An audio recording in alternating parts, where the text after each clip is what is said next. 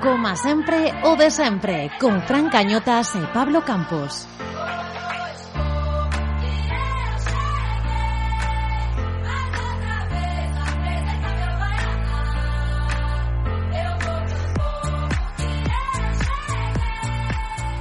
Ola, ola, señoras, señores, moi boas Benvidos a este décimo noveno episodio do Coma Sempre o de Sempre Como diría Pedro Piqueras, terrorífico e apocalíptico fin de semana para o clube.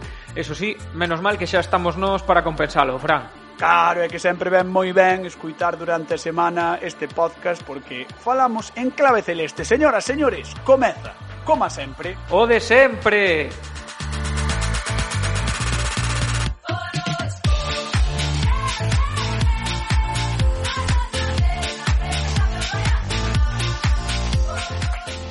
Fin de semana fatídico por mor das derrotas dos principais equipos do club. Perderon tanto o primeiro equipo como o filial como os juvenis. O Celta caeu en Mestalla por 2 a 0 cos goles de Manu Vallejo e de Gameiro xa no tempo de engadido.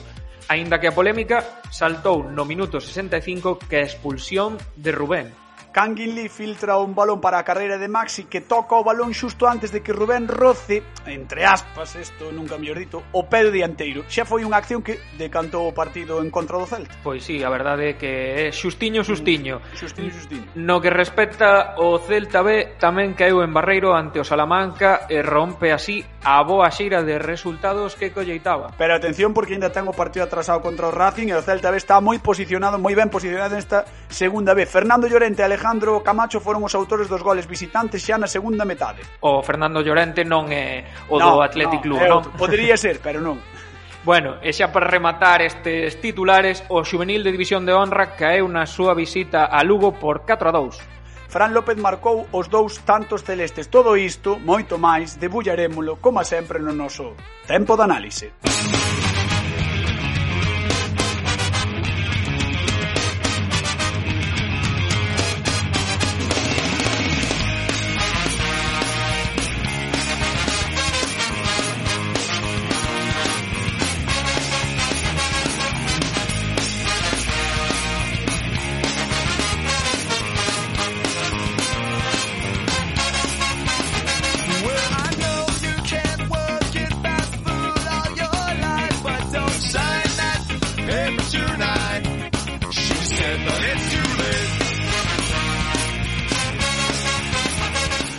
Están connosco hoxe para este tempo de análise Borja Refojos de Atlántico Diario. Que tal, Borja? Hola, Fran, como estás? E a Chicho Moldes da Televisión de Galicia, que tal, Chicho? Moi boas, moi boas a todos. Antes de nada, ainda que o partido foi o sábado, eh, xa pasaron días de repouso, días de análise, xa sabemos que nos medios dous días é o mundo, pero eh, non sei que titular vos deixou o partido despois desa derrota no tempo de desconto, un partido que tuvo que loitar bastantes minutos o Arzu, o Arzu, aí dicir, eu, madre mía, como estou, o Celta, o Celta con 10 con 10 xogadores, Borja. Bueno, difícil titular, ¿no? Partido eh, Frouxo, partido destes que, que se non eres ese asiareiro do Valencia ou do, ou do Celta um, non, non aguantas nin máis de cinco minutos partido decidido nun modo de ver por, por unha expulsión bastante rigurosa de Rubén Blanco eh, e partido no que o Celta eh, non sei se porque non estaban aspas e Brais, que seguramente teña moito que ver, non puido amosar as virtudes que, que, que amosou eh, noutros partidos con, con Eduardo Cogoen no banquillo. E para ti, Chicho, como foi o partido?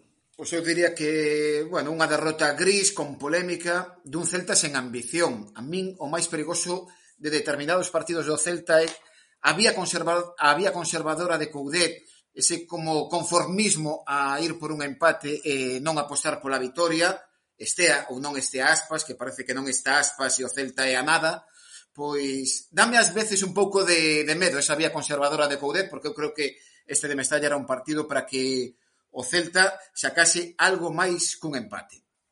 Esta proposta da que fala Chicho un tanto conservadora eh, viuse reflectida sobre todo na primeira metade na que o Celta prácticamente, bueno, xa, prácticamente non tirou a, a porta e a única ocasión do, do partido foi o gol anulado a Bas. Credes que se tiraron un pouco eses primeiros 45 minutos por mor tamén da proposta de Coudet?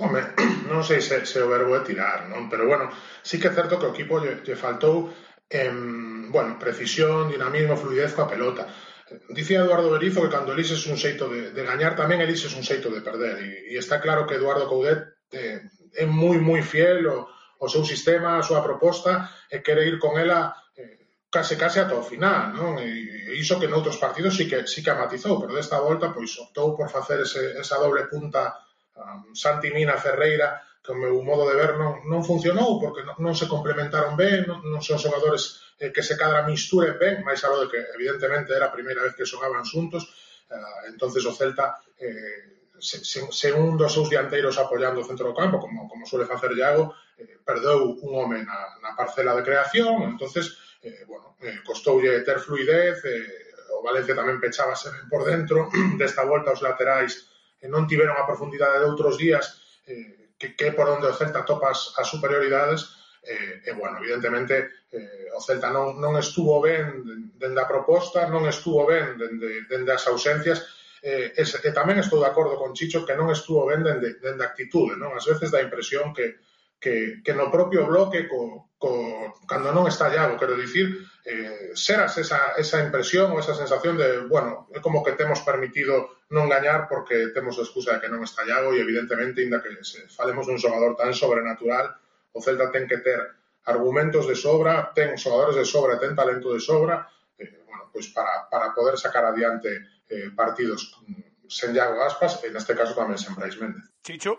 Sí, porque, bueno, eh, coincido con Borja, vamos a ver, o experimento de Ferreira con Mina non funcionou, obviamente en toda comparación con Aspas vais a ir perdendo calquera xogador por todo o que lle aporta Aspas a este equipo, por esa claridade en ataque, ese desequilibrio, esa masia, ese momento de fantasía, que é o que non ten este Celta cando non está Aspas. E non sei se hai unha actitude como di Borja de hai, bueno, pois un pouco victimista de como non está Aspas, pois se perdemos non pasa nada, pero é que non creou oportunidades na primeira metade. A proposta é unha proposta de sair a empatar, de sair a empatar, de non ir polo partido, incluso cando perden a Rubén, hai un momento aí en que o Celta con 10 xogadores métese atrás, métese atrás, métese atrás e ao final acaba autoencerrándose na súa área cando podería plantarlle cara a un Valencia que non é o Valencia das últimas temporadas, mm. un Valencia con moitísimos problemas, un Valencia moi gris e un Valencia nunha situación moi delicada. Eu creo que foi unha bala malgastada esta de Mestalla. Mm.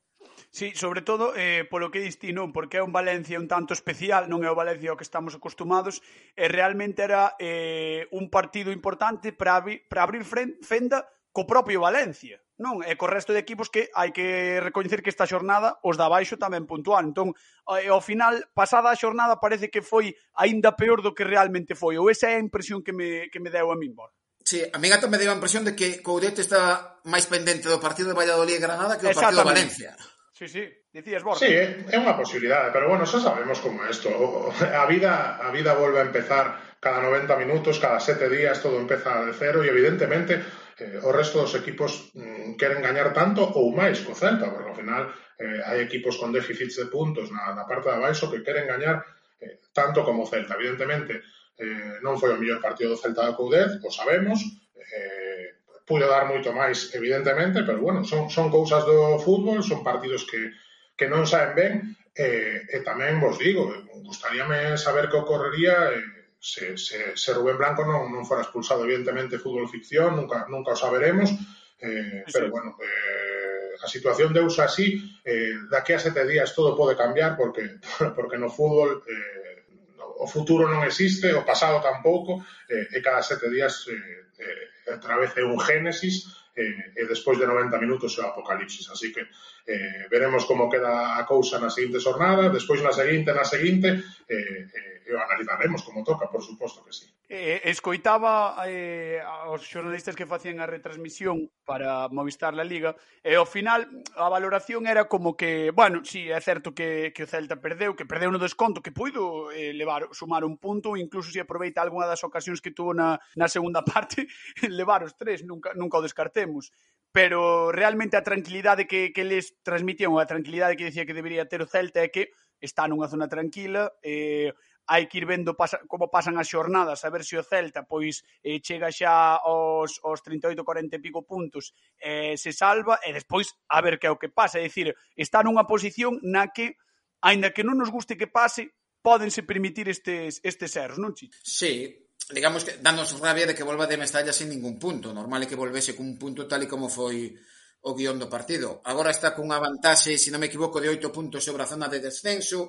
Hai dous partidos agora clave que son Valladolid e Huesca. Se consegue sacar, sacar eses partidos a permanencia pois prácticamente xa vai ter selada e iso é unha tranquilidade con respecto a todo o sufrimento das últimas temporadas. O Celta está vivindo unha situación anómala con respecto ás últimas temporadas. Entón, ten que aproveitarse desa tranquilidade de estar na zona media, nesa zona media case que en terra de ninguén, porque estás a oito puntos de Europa, oito puntos da, do descenso. Entón, ten que aproveitar ese momento nos dous próximos partidos porque sí que vai ter dous rivais con moitísimas urxencias, que son Valladolid e Huesca. Que opinas ti? Partidos importantes, non? A partir de agora vanse ver as, as necesidades, as urxencias, ou a que vai aspirar o Celta? Bueno, partidos importantes son todos, eh? e o máis importante sempre o seguinte. Eh, eu penso que non ten moito, moito xeito ni moitas trazas pensar moi a longo, moi a longo plazo eh, nunha situación de tanta igualdade como hai na, na zona morna ou, ou na zona incluso baixa da, da, da Liga.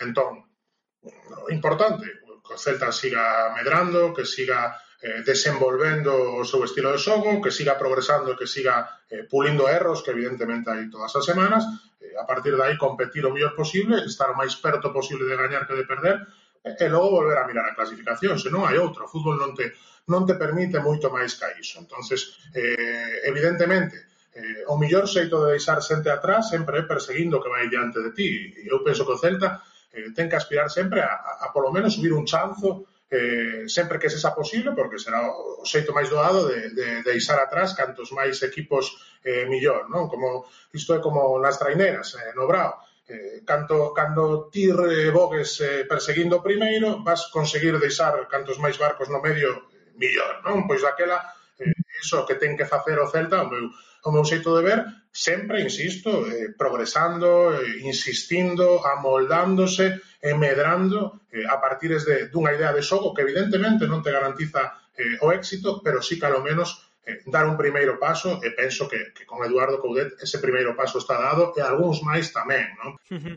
Eh, a xogada que decanta o partido que cambia o sentido do encontro a, a polémica, a expulsión de, de Rubén por esa xogada con Maxi. Vos credes que, que expulsión, que o criterio eh, das expulsións deste ano, lembrando, por exemplo, eh, aquela de contra o Cádiz, na que Ledesma derruba a mina fora da área, vos cre... bueno, dentro da área, perdón, vos credes que, que para expulsar a Rubén eh, ese mínimo contacto que pode haber con Maxi e Chicho? A mí non me parece expulsión. Todos os xeitos é unha xogada rapidísima, Sí que me parece que unha xogada na que pode intervir o VAR. Entón, no momento no que interven o VAR, pois está como contra as cordas o árbitro. Últimamente sí, pero, parece sí. que arbitran máis dende a sala que dende o, sí, dende sí, o propio pero, campo. Sí, pero Chicho, an antes de que sigas, eh, a min o que máis me sorprende é eh, vendo a imaxe, porque eu estou na miña casa, no meu, no meu sofá, e eh, a min poñe a imaxe da realización da tele, non?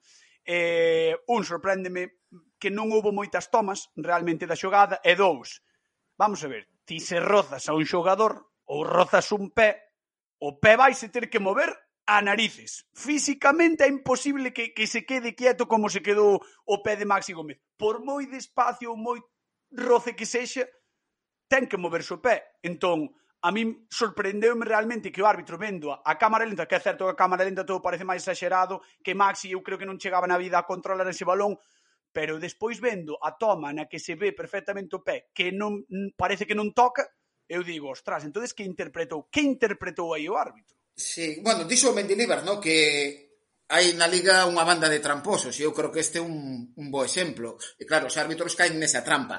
Eu falei con dous árbitros eh, dous árbitros do fútbol profesional e os dous deron a mesma opinión. Din que esta, a nivel arbitral, non é unha xogada que admita grises, que é unha xogada de branco e de negro, e que eles o teñen clarísimo, clarísimo, clarísimo. Que entenden que hai contacto e que entenden que é unha manifesta ocasión de gol. Din que así como outras xogadas pode haber grises, os dous árbitros comentaron o mesmo, que é xogada de blanco e de negro, de manual, cando eles teñen, pois, as clases de arbitraxe e os exemplos de árbitro que entenden esas dúas cousas, que hai contacto, que xogada manifesta de gol e que é xogada para que interveña o VAR. A mí non me parece unha xogada manifesta de gol, porque eu entendo tamén que me parece difícil que Masi chegue a esa pelota despois. O contacto, como, como dis, pois un contacto, como, como dis o Celta, eh, non sei, nos, nos cordóns de nos cordóns de Masi. Me parece como moi, moi, moi levada o límite esta xogada como para que se expulse a un xogador. Mm. Borja, eh, ti falábamolo polo WhatsApp o propio día do, do partido, non? Sobre o control ou sobre onde ia esa pelota e sobre se é penalti ou non. Que opinión tes? Eh, hai tres situacións nesa xogada, non? A primeira, eh, bueno, o erro de Rubén no sentido que é un porteiro que xoga moi metido entre os paus, e eh, moitas veces eso ya en según que situacións, pero en outras como a nesta, eh, quítalle un segundo mellor clave para, para chegar a esa saída, non? Eh, unha vez eh, tocado ese tema, o aspecto arbitral, non? Para min a clave de todo isto, máis aló de casa contacto ou non, que, que logo irei sobre iso, é que a pelota iba cara ao lado dereito, Coido Carón Martín chegaba eh, para incomodar, com, como mínimo para incomodar a Maxi Gómez, e, e os centrais dáballes tamén tempo a meterse en baixo do, dos paus para, para tratar de, de defender esa acción. Co cal, teño moitas dúbidas de que, de que sexa unha acción tan tan manifesta de gol como para sinalar cartón vermello. Que entre o VAR, pareceme perfecto, porque evidentemente é unha situación eh, susceptible de que entre o VAR porque eh, pode ser susceptible de, de amosar cartón vermello. Eh, que ocorre?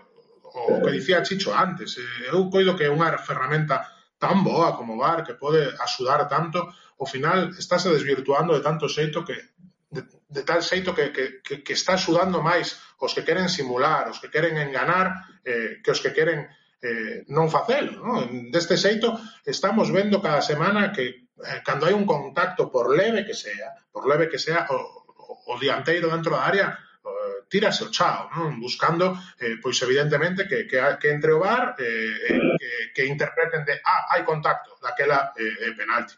Que pasa? Está perfectamente estipulado no regulamento que non todos os contactos no fútbol eh, son falta. É dicir, é un deporte de contacto no que o contacto está permitido eh, eh, eh, e evidentemente é moi difícil evaluar eh, eh, a forza, se, se a forza do contacto é tal como para tirar cun xogador de 80 kilos e metro 85 um, é, é moi difícil evaluar o CIA en directo eh, e no vídeo máis porque a cámara lenta como dicíades eh, pois evidentemente non parece eh, eso a franja de Gaza cando cando cando ves en cámara lenta eh, por eso penso que ese contacto un, non é suficiente para, para, para, para tirar con Maxi Gómez, que evidentemente Maxi Gómez simula eh, Pero bueno, eso xa é algo que, que tamén facía, xa, eh? real, eh, e, bueno, o árbitro ve, pica e sinala cartón vermello. Para min, no meu xeito, dende meu xeito de ver o fútbol, non pode ser cartón vermello esa acción nunca na vida. Mm.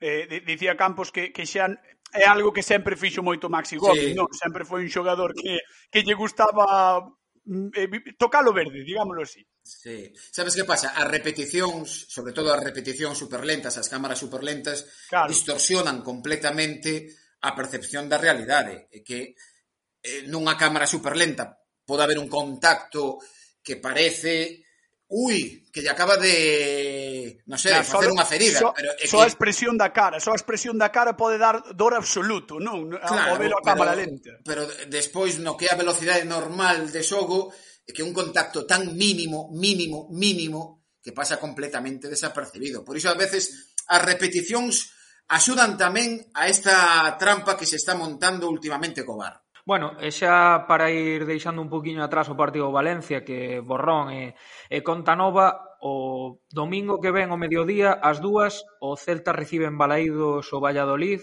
penúltimo da categoría, un equipo que chega nun estado de forma difícil, nunha xeira de resultados negativa, eh, a verdade é que o, o Celta se quere ter aspiracións que para min as aspiracións son salvarse e manter a categoría tranquilamente. Creo que é un partido dos que hai que gañar sí ou sí, non Chicho. É o partido, eu creo que o partido recupera o Celta Aspas, recupera a Brais, chega cun rival con moitísimas, moitísimas urxencias, porque que leva moitísimos partidos en gañar o Valladolid, porque últimamente o Valladolid está custando marcar goles. Entón, é o partido para dar ese pequeno salto na clasificación de estou nunha situación cómoda, estou xa lonxe da zona de descenso, así que vamos a, a ver outro obxectivo, se é ou non é posible, pero polo menos vamos a intentar outro obxectivo distinto na Liga. Eu creo que este é un partido clave. O de Huesca tamén, o que pasa é que Huesca últimamente está tendo mellores sensacións que Valladolid, pero este de Valladolid recuperando... Más que na casa. Sí, recuperando a Brais e Aspas, un partido clave, clave. Sí, sobre todo polo que di Chicho tamén de que, o, por exemplo, o Huesca é un equipo que parece que vai a cara arriba e o Valladolid é un equipo que agora mesmo está nunha dinámica ne moi negativa, só comparable pois ao Xetafe ou o Elxe, eh, creo que sí que son partidos dos que hai que gañar e sumar da tres, non, Borja? Bueno, pero as dinámicas eh, son dinámicas ata que se rompen, non? Eu vin outro día o Valladolid contra, contra o Real Madrid, daquela maneira, porque estaba co peche do xornal, xa sabedes que non se pode ter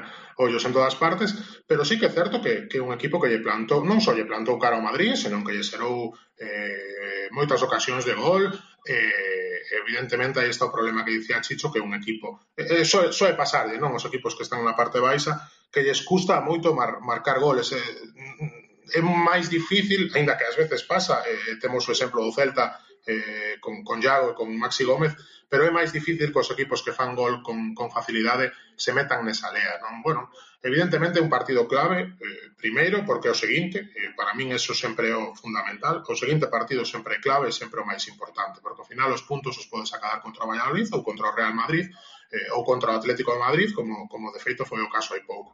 Eh, eso é o primeiro. Segundo, porque evidentemente eh, é un rival directo que que podes deixar eh, bueno, pois a, unha, a unha distancia xa máis que considerable. E terceiro tamén eh, por dar continuidade eh, a esa victoria fronte ao Elche.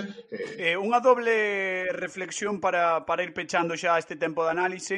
Eh, o que dicías ti, a volta de Olaza e de Orellana a Balaídos, que agardas deles, Chicho Moldes, e despois, como está o Celta B? Antes de marchar, contanos algo do Celta B da segunda división B. Todo teu, Chicho. Pois mira, Orellana Bueno, como é menos recente, non lle dou máis importancia. A, a de Olaza, sí, Olaza que non haxe unha falta cerca da portería de, de Iván Villar, porque, bueno, todos sabemos como foi a súa saída, o rara que foi a súa saída, o extraña, Chicho, eh, ti crees disgusto, Chicho, ti crees que Mourinho el... agradecerá que non haxa público en Balaídos o domingo? Na, eu creo, aí eu creo son como di Borja, aínda que Borja é moi cholista desto de partido a partido, creo que o, o público neste neste sentido se houvese público en Balaídos se esquecería rápido do tema Olaza. Pode pode ser que nun momento puntual que lle recrimina a directiva ou o presidente a saída, como foi a saída do Olaza, pero creo que hai que, que ese tipo de cousas se, se esquecen rápida, porque tampouco foi o Laza un xogador, se era un xogador, a min gustábame moito,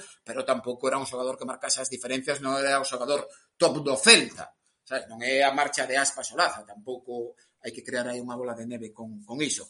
Entón, bueno, a Orellana eu casi o teño esquecido na historia do Celta, o Laza como estamos recente, pois bueno, eh, un poquillo de morbo sí que lle dá o partido. E despois do Celta B ten un partido importantísimo, importantísimo contra o Racing de Ferrol, porque se o Celta B gaña este partido contra o Racing, prácticamente, salvo unha catástrofe, aseguraría estar entre os tres primeiros, e todos sabemos a importancia que ten nestes momentos estar a vender a temporada na chamada eh, segunda B Pro ou primeira división da, da federación nesta extraña e caótica reestructuración de categorías para os clubs É determinante a nivel deportivo, a nivel económico, estar a próxima temporada na segunda B Pro.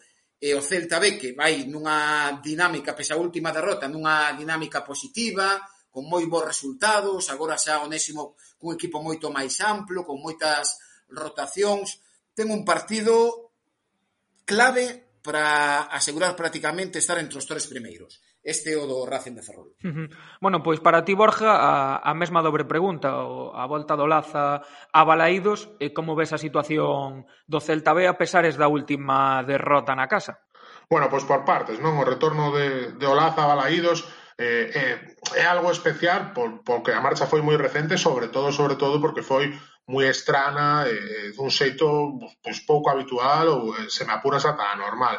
Pero polo demais, non é máis cun, cun regreso dun exxogador do Celta eh, a Balaídos, evidentemente Balaídos en público, estou seguro que se, que se Balaídos eh, tivera, tivera siareiros, tivera afición, adicaríanlle un, unha cariñosa benvida a Lucas Olaza, como non podía ser de outro xeito, pero, pero bueno, terá que ser por redes, que como se fai todo todo agora. E con respecto ao Celta B, eh, bueno, xa o dixo Chicho, no?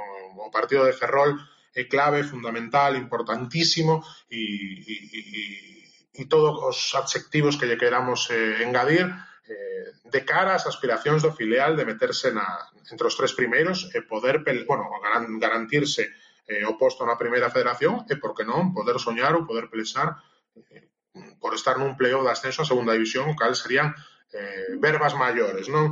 Eh, o calendario que lle queda ao Celta B é moi difícil, pero igual que igual que a todos os demais, non? Entonces, eh, eu polo vendo fútbol vigués, agardo que, eh, que o Celta B gañe todos os partidos que veñen agora, sobre todo sobre todo para, para que poida chegar a esa última xornada no campo do Coruso eh, sen, sen ter que xogar un, un partido fraticida, non? E, eh, eh, que os dous equipos vigueses pois poidan acabar eh, acadar os seus obxectivos, no caso do Celta meterse entre os tres primeiros, que sería un éxito rotundo, o clube partiu coa idea de, de meter o equipo entre, entre a terceira e a sexta posición, eh, pero bueno, tamén hai que dicir que, que co plantel tan importante, tan potente, cos xogadores tan, tan contrastados na categoría Carmo do Celta B, eh, parece un obxectivo alcanzable o de meterse entre os tres primeiros, e Coruso, eh, por suposto que poida meterse nesa sexta plaza ou mesmo na quinta e poida mm, seguir tendo vivo o soño de, de seguir o ano que ven na terceira categoría do fútbol español. Claro que sí, ademais aquí somos moi amigos de, de do Coruxo de Antón de Vicente, a ti tamén eres moi amigo de Antón de Vicente, así que lle mandamos moita forza tamén ao resto de ah, equipos galegos. Bueno, que va, que va, que va. Que gran victoria, que gran victoria en San Petersburgo sí, outro día. En eh. San Petersburgo, eh? sí, Moscú.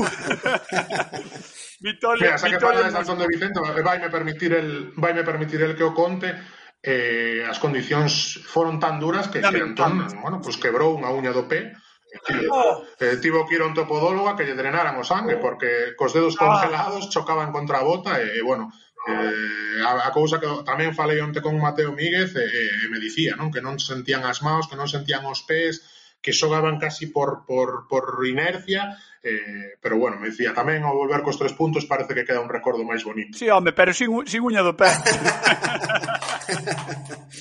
Sí, sí, non, no caso de, de Vicente sin uña no pé, menos de... Oh, que barbaridade, que barbaridade. Bueno, rapaces, eh, moitísimas grazas, de verdade, por estar neste tempo de análise, pese aos problemas técnicos que xa sabedes que con isto da, do internet moitas veces pasa. Neste caso, señoras e señores ointes, como sempre de sempre, foi culpa de Borja Refojos, vale? Así que as queixas ao seu Twitter personal. Culpable. Culpable. Non, home, non, non, que levo, levo moi mal, levo moi mal os insultos, son, son moi sensible. bueno, pois pues non, pois pues non, non, non vos queimedes con el, que ainda lle debemos unha taza de como sempre de sempre, que as vamos facer, eh? Cando cheguemos aos mil seguidores, imos facer puncas do podcast, de verdade, prometido, eh? e vamos che mandar unha que mereces. E outra, e outra a Chicho tamén, por ser borrapa. Aí outra está, Chicho. aí está. Eu son menos sentiño que Borja, eu son menos sentiño. Claro, a ti dache igual, os insultos sí. a Chicho todos. bueno. non te quentes que, que vai nos sair a taza por un ollo. Sí, saberás. sí, eso é verdade, eso é verdade. Bueno, moitísimas gracias, de verdade, os dous. Nada, un placer, xa sabedes que podedes pasar por aquí cando que irades, eh, que este a vosa casa. Gracias, Chicho. Veña, apertas a todos. Gracias, Borja. Unha aperta, rapaces. Gracias a vos.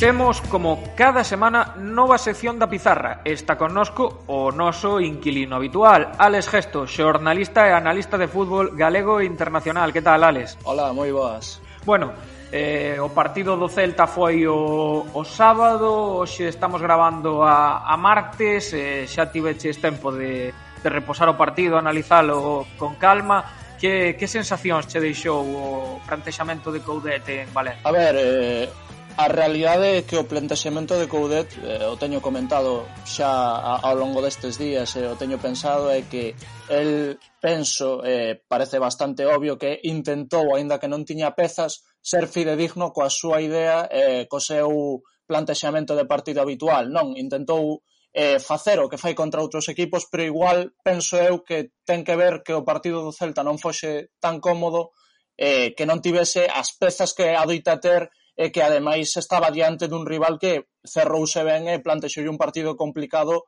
eh, no aspecto defensivo.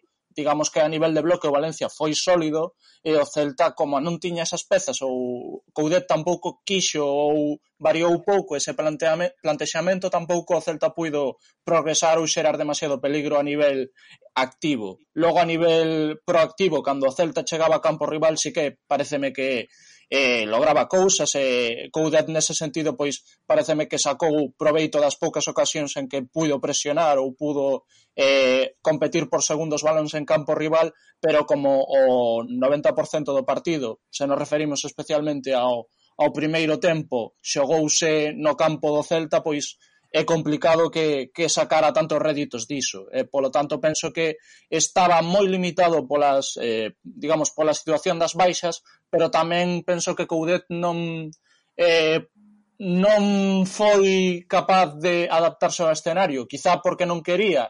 e o Celta como xoga, e como ven xogando, e como lle máis lle gusta, e como tivo resultados, ao final foi fiel ao seu estilo e iso non me parece mal, pero tamén digamos que ten esa, esa faceta mala, que é que contra un rival que lle presentou un bon partido e ademais as baixas que tiña que lle incitaban quizá a facer cambios de plantexamento ou de, ou de xogo, pois quedouse algo corto o equipo e ao final pois pudo sacar un empate, pero no, no sprint final do partido acabou costándolle todos os puntos que puido haber sacado en Mestalla. Eh, cambio de esquema de Coudet, non? Ferreira e Solari titulares adentro eh, eh, non lle chegou a funcionar de todo, digamos. No, sobre todo penso que por Ferreira. Eh, mm. A min Solari eh, pareceme que fixo un bo partido dentro das limitacións e do pouco eh, bueno, do, do pouco que xerou o Celta a nivel ofensivo que pudo propoñer en campo rival. Penso que, de feito, Solari as poucas veces que intervén en campo rival e as veces de feito que o Celta ten a capacidade de presionar en campo rival, fai no ben, intervén ben e aportalle cosas ao equipo. Pareceme que foi moi acertada esa inclusión que, a ver, era un cambio esperado, pero que o rendemento de Solari correspondeu e respondeu ao, dentro dese, digamos, do minimizado que estivo o equipo, pois respondeu ben e penso que en contextos millores podería haber incluso sido máis protagonista e, e haber contribuído moi ben ao equipo. Ferreira sí que se me quedou máis corto, pero no, eh, a nivel personal penso que ten que ver a, eh, a, eh, a, co rendemento individual de, de Ferreira, que igual viuse algo mm, minimizado por Paulista e por outros tentais a nivel de, sobre todo, de prolongar balóns que lle pasaban a Mina, ou de combatir por balóns, algún algún que outro, bueno, algún que outro duelo gañou e conseguiu algún algún que outro pase hacia os compañeiros para habilitalos en campo rival, pero pouquiño de, de Ferreira e foi prácticamente un partido pois mm. iso, no? Que estivo moi ausente, e tamén foi por iso, porque a nivel de esquema non o Celta non progresaba ben, apostaba moito en largo e Solari, ou sexa, Ferreira neste caso pareceme que para o xogo directo igual non está tan tan tan tan ben como podría estar máis preto da área de rival, en contextos máis eh, sosegados, nos que o equipo non necesita tanto de, deses balóns largos. Eh, comentaba, non sei se era Borja ou Chicho, creo que Borja, antes na, no tempo de análise, que non vía, despois deste partido, non vía eh, a Santi Mina e Ferreira xogando xuntos eh, polo estilo de xogo non que, que ten cada un. Non sei se coincides. Sí, eu creo que tamén. Tamén penso que isto xa é un tema personal. Penso que buscaron moito a mina por alto cando igual Ferreira podería aportar máis. Habería que velo. Eh, penso que empregaron máis a mina en algunha ocasión movéndose algunhas veces con certa liberdade por diante de Ferreira actuando un pouco como se fose un enganche pero sen chegar a selo. Digamos que Habilitando máis como dianteiro tras Ferreira, pero non saiu demasiado ben e eu tamén conto con que se houbera estado Brais Méndez ou houbera estado outro xogador máis habitual por dentro houbera xogado aí porque eh, a nivel de características e de proposta de Coudet é o que máis lle convén e o que mellor lle senta o equipo, se xoga como xoga. Ou seja, que eu tampouco creo que vaya a ser moi moi habitual tendo todas as pezas eh, sobre o taboleiro ou polo menos eh, en ausencia de aspas se ten a un Brais ou ten a algún outro xogador que poida demostrar xogar ben por aí, vai metelo.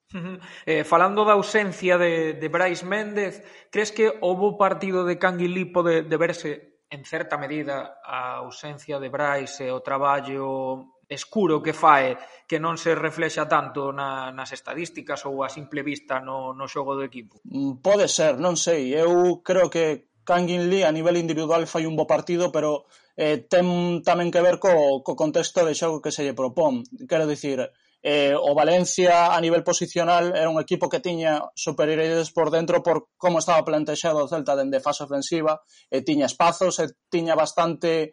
Eh, digamos que o Valencia estaba en medio campo durante moito tempo de partido ou estaba preto do, do campo rival do Celta.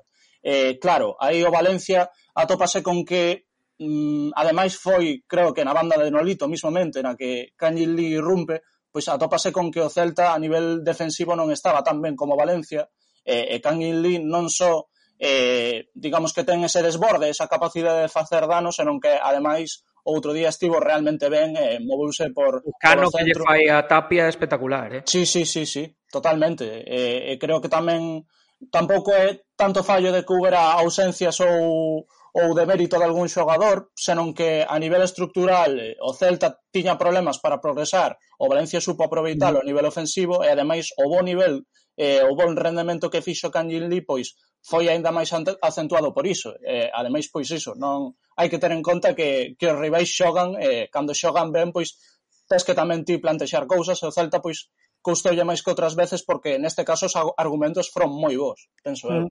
E, e despois tamén está o, o como sempre de sempre, non? O tema recurrente todas as semanas a necesidade de Iago. Sí, sí, e, e isto é xa, xa vos digo a nivel, eu penso que mm, o comentábamos no, noutro podcast, de feito, que a veces non interven tanto, pero a súa presenza xa facilita moito. Claro. E, Eu neste caso si que notei polo perfil de Iago, basicamente, porque o Valencia estaba moi ben, moi compacto en, en fase defensiva no primeiro tempo, pero o Celta non tiña a ninguén por dentro para facilitarlle unha superioridade a Solari ou a Nolito para recibir mm. sós eh, algo que movera por dentro, digamos, o esquema que fixera dubidar a, aos mediocampistas do Valencia que permitera saídas por fora ou saídas por dentro, iso non o tiña o Celta, tiña dous puntas fixando os centrais arriba eh, Mina a veces caía, a veces intentaba arrastrar, pero non tiña capacidade nin a mobilidade de aspas para poder axitar como, como ten feito ou como Brais incluso en algunha ocasión. Mm. Entón o Celta, pois, eh, estaba moi estancado en eh, buscando a salida, buscando o método para sair, o Valencia tiña bastante claras as marcas, non apenas hubo movimentos, ou Poñas hubo nada que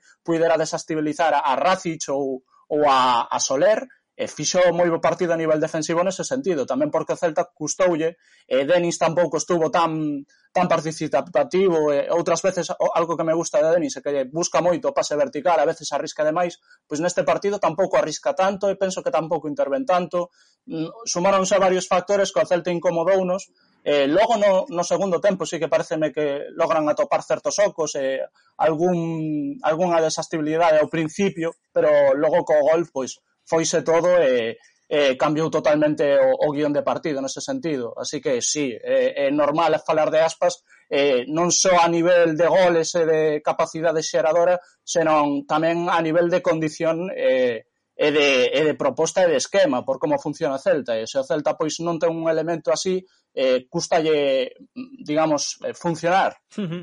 Eh, falábamos antes da expulsión de, de Rubén Blanco e, eh, bueno, as xogadas eh, de cartón vermello ou, ou non, ese é un tema que, que xa tratamos antes, pero sí que nos gustaría falar contigo, Alex, o tema dos cambios e de como reorganiza o equipo Coudet, porque para suplir a, a Rubén Branco da entrada a Iván Villar por Facundo Ferreira e despois no minuto 80 entra Aidó por Augusto Solari e xa no, no 90 entra Fran Beltrán ao terreo de xogo por, por Nolito. Casi lle sae esa aposta de, de tres centrales para darlle liberdade aos dous laterais, tanto a Hugo como a, como a Arón, pero faltoulle quizás ese, puntiño de sorte extra no, no tempo engadido, non? Sí, sí, ao final, bueno, tamén xogar con un menos é, é máis complicado, cabe dicilo, pero penso que a proposta foi interesante, eh, non, foi, non foi cobarde nin moito menos, penso que Coudet cando fai ese cambio fai a conciencia de que igual pode xerar algo e, e que tiña bastante seguro que poderían sacar o empate incluso algo máis, porque ao final eh, aínda que meta tres centrais, o que penso é que o Celta logra explotar a primeira, a única vía, quizáis, que tiña bastante segura no primeiro tempo que era progresar en, en amplitud por fora, cos laterais e cos carrileiros, eh, aínda logra máis profundidade e o Celta que estaba neste caso aínda máis metido no seu campo o Valencia tiña máis balón pois tiña máis posibilidades de atacar en amplitude de buscar en profundidade en contraataques e nese sentido penso que Coudet eh, consigue bastante o que quizá plantexa el ou o que penso que el plantexa porque o Celta chega, os laterais chegan e incluso con un menos mm, algunha ocasión de peligro poden chegar a ter, aínda que logo pois en dúas accións eh, unha individual moi boa e eh, algunha estabilización de defensiva do Celta pois perdese o partido, pero vaya, que de haber marcado un gol neses nese contexto de partido igual está, estábamos a falar de un cambio que cambia o partido por completo e que é un acerto do míster. Eh, eu penso que a nivel ofensivo aproveitou ben ese, esa situación de partido que se lle plantexaba, optou por algo distinto, algo que podía funcionar, e, aínda que a nivel de resultado non funcionou, a nivel de sensacións e de xerar xogo, penso que tamén deu resultados. Eh, isto nun partido pode sair ben, outro mal, a min pareceme que eh, non pasa nada por perder un partido, pero sí que pareceme interesante que o, o Mister teña en conta este tipo de cambios porque ao final eh, nun partido concreto ou noutro escenario de partido igual lle valen un triunfo ao Celta. Eh, sacar un triunfo de Mestalla nas condicións nas que estabas hubiera sido eh, pletórico casi. Ven, ven agora un partido eh, por ir pechando xa este, esta pizarra ven agora un partido fundamental nos intereses do Celta como é o de recibir ao Valladolid en Balaídos. Eh, coa ausencia de Nolito. Eh, obviamente non é a ausencia de Iago, e incluso eu diría que non é a ausencia de Brais, pero pero vai ser unha ausencia tamén importante no, nos plans de Coudet, aínda que veremos o que fai, non? Porque sempre se dixo estas semanas que o mellor Nolito pois que ia un pouco máis caro ao banco, eh, pois a ver que é o que, que é o que decide facer Coudet. Ti que crees que vai a pasar? Eh, eu, preo, eh, eu penso que intentará facer o que, o que ven facendo sempre, que é cambiar o menos posible o, o plan inicial e buscar unha peza parecida. Non sei agora mesmo quen podería meter, tal vez Baeza, tal vez algún xogador que ven xogando por aí, eh, penso que a baixa de Nolito vai ser, digamos, bueno, de peso e vai ter relevancia sobre todo en tres cuartos e no que xa temos comentado outras veces que o Celta pois mm. perderá algo de capacidade xeradora neses últimos tres cuartos, pero eh, recuperando aspas, tendo a Brais, eh, tendo a pezas do esquema inicial, eu penso que o mal debería ir máis polo que pola falta de, de gol igual ou de profundidade que poida ter en últimos metros o Celta ou de colmillo que na propia xeración do xogo, no propio plan de partido, eu penso que mm. Coudet ao final ese cambio vai ser incluso menos eh, relevante a nivel total, nun ámbito total do xogo, como foi os cambios que tivo que facer eh, a nivel de Mestalla, e penso que o equipo estará máis cómodo nese sentido. Haberá que ver, porque ao final isto nunca se sabe, eh, eh, igual de pronto o equipo eh, atopa problemas noutras áreas, isto, eh, non, non é unha ciencia ao final isto, eh, poden pasar moitas cousas, pero eu penso que, que o equipo, pois, mm, digamos que recupera máis do que perde, a, sin desmerecer a Nolito ou a, as capacidades ofensivas que pode ter. Nun global, penso que vai estar máis cómodo. Eu Voume mollar, eu vou dicir que, que xoga Solari. Solari a perna cambiada, pois, pois pode ser interesante. Ou, Bra, eh? ou Brais pola esquerda, esa é a miña aposta. Eu, creo, eu, creo, que, eu, eu creo que pode ser, eh, pero, pero eh, agora nos contarás ti eh, gesto, pero bueno, sí que é certo que distí, non? Que, que Nolito mellor é un xogador que ademais de creación chega, finaliza, eh, pode dar un, un último pase, eh, iso hai outros xogadores eh, no plantel do Celta que non o teñen, non? Entonces, eh, igual iso é un pouco que perde o Celta, máis que que algo de creación, non? Sí, ou, ou de disciplina defensiva ou a, a nivel posicional, penso que eh, iso, non, non é tanto cambiar eh, o esquema ou, ou as, as características do, do propio debuxo, senón que ademais pois quizás perdes un pouco de, de capacidade, digamos, eh, de, de crear e de xerar goles e de capitalizar non é tanto na propia xeración do xogo, porque a nivel de xogo, pois igual o equipo segue funcionando ben e, e non bota tanto en falta esa baixa, pero logo nos tres cuartos sí que vai botar en falta un pouco com, o colmillo, é o que penso eu. Bueno, pois Alex Gesto, moitísimas grazas por estar na nosa pizarra, por levar sempre a voz cantante nesta, nesta pizarra que xa é túa, xa é prácticamente túa, ainda que de vez en cando variaremos, pero ti eres o habitual sempre que queiras, como sempre, de sempre. Moitas grazas, Alex. Nada, encantado de, de pasarme unha semana máis e, e nada, como sempre o de sempre, cando que irades, e, eu pásome por aquí e, e charlamos do que que irades. Como se quere, queredes falar do, do choco, eu non teño problema. Eduardo, algún día falaremos... Hai que chamar a Borja, entón, tamén. Sí, pa... algún día falaremos eh, da terceira división, non? Porque temos por aí equipos fallados, eh, Campos Caude Ourense, Tico Choco, eu co Arzúa. Bueno, poderíamos facer unha tertulia tamén sobre, sobre a terceira que estaría moi interesante. Alex, moitísimas grazas, unha aperta. Nada, a vos. Imos coa previa, Campos.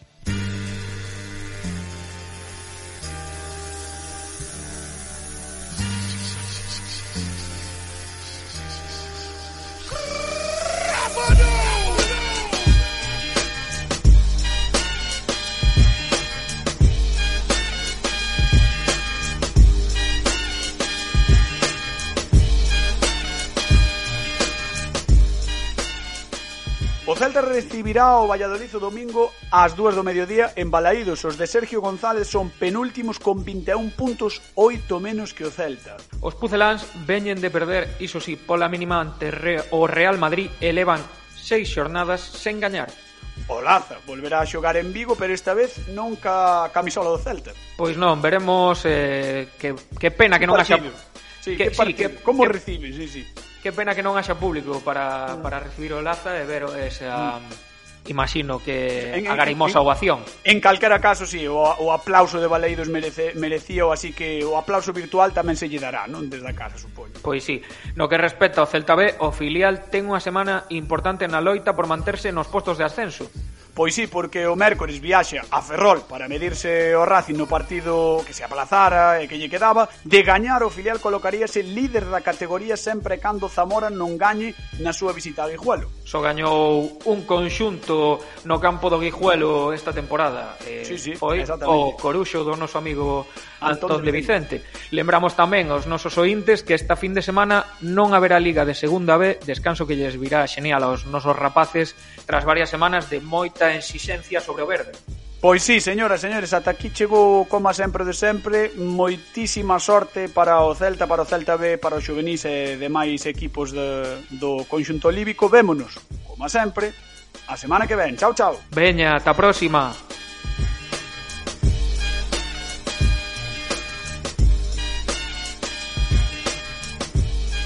Coma sempre o de sempre, con Fran Cañotas e Pablo Campos.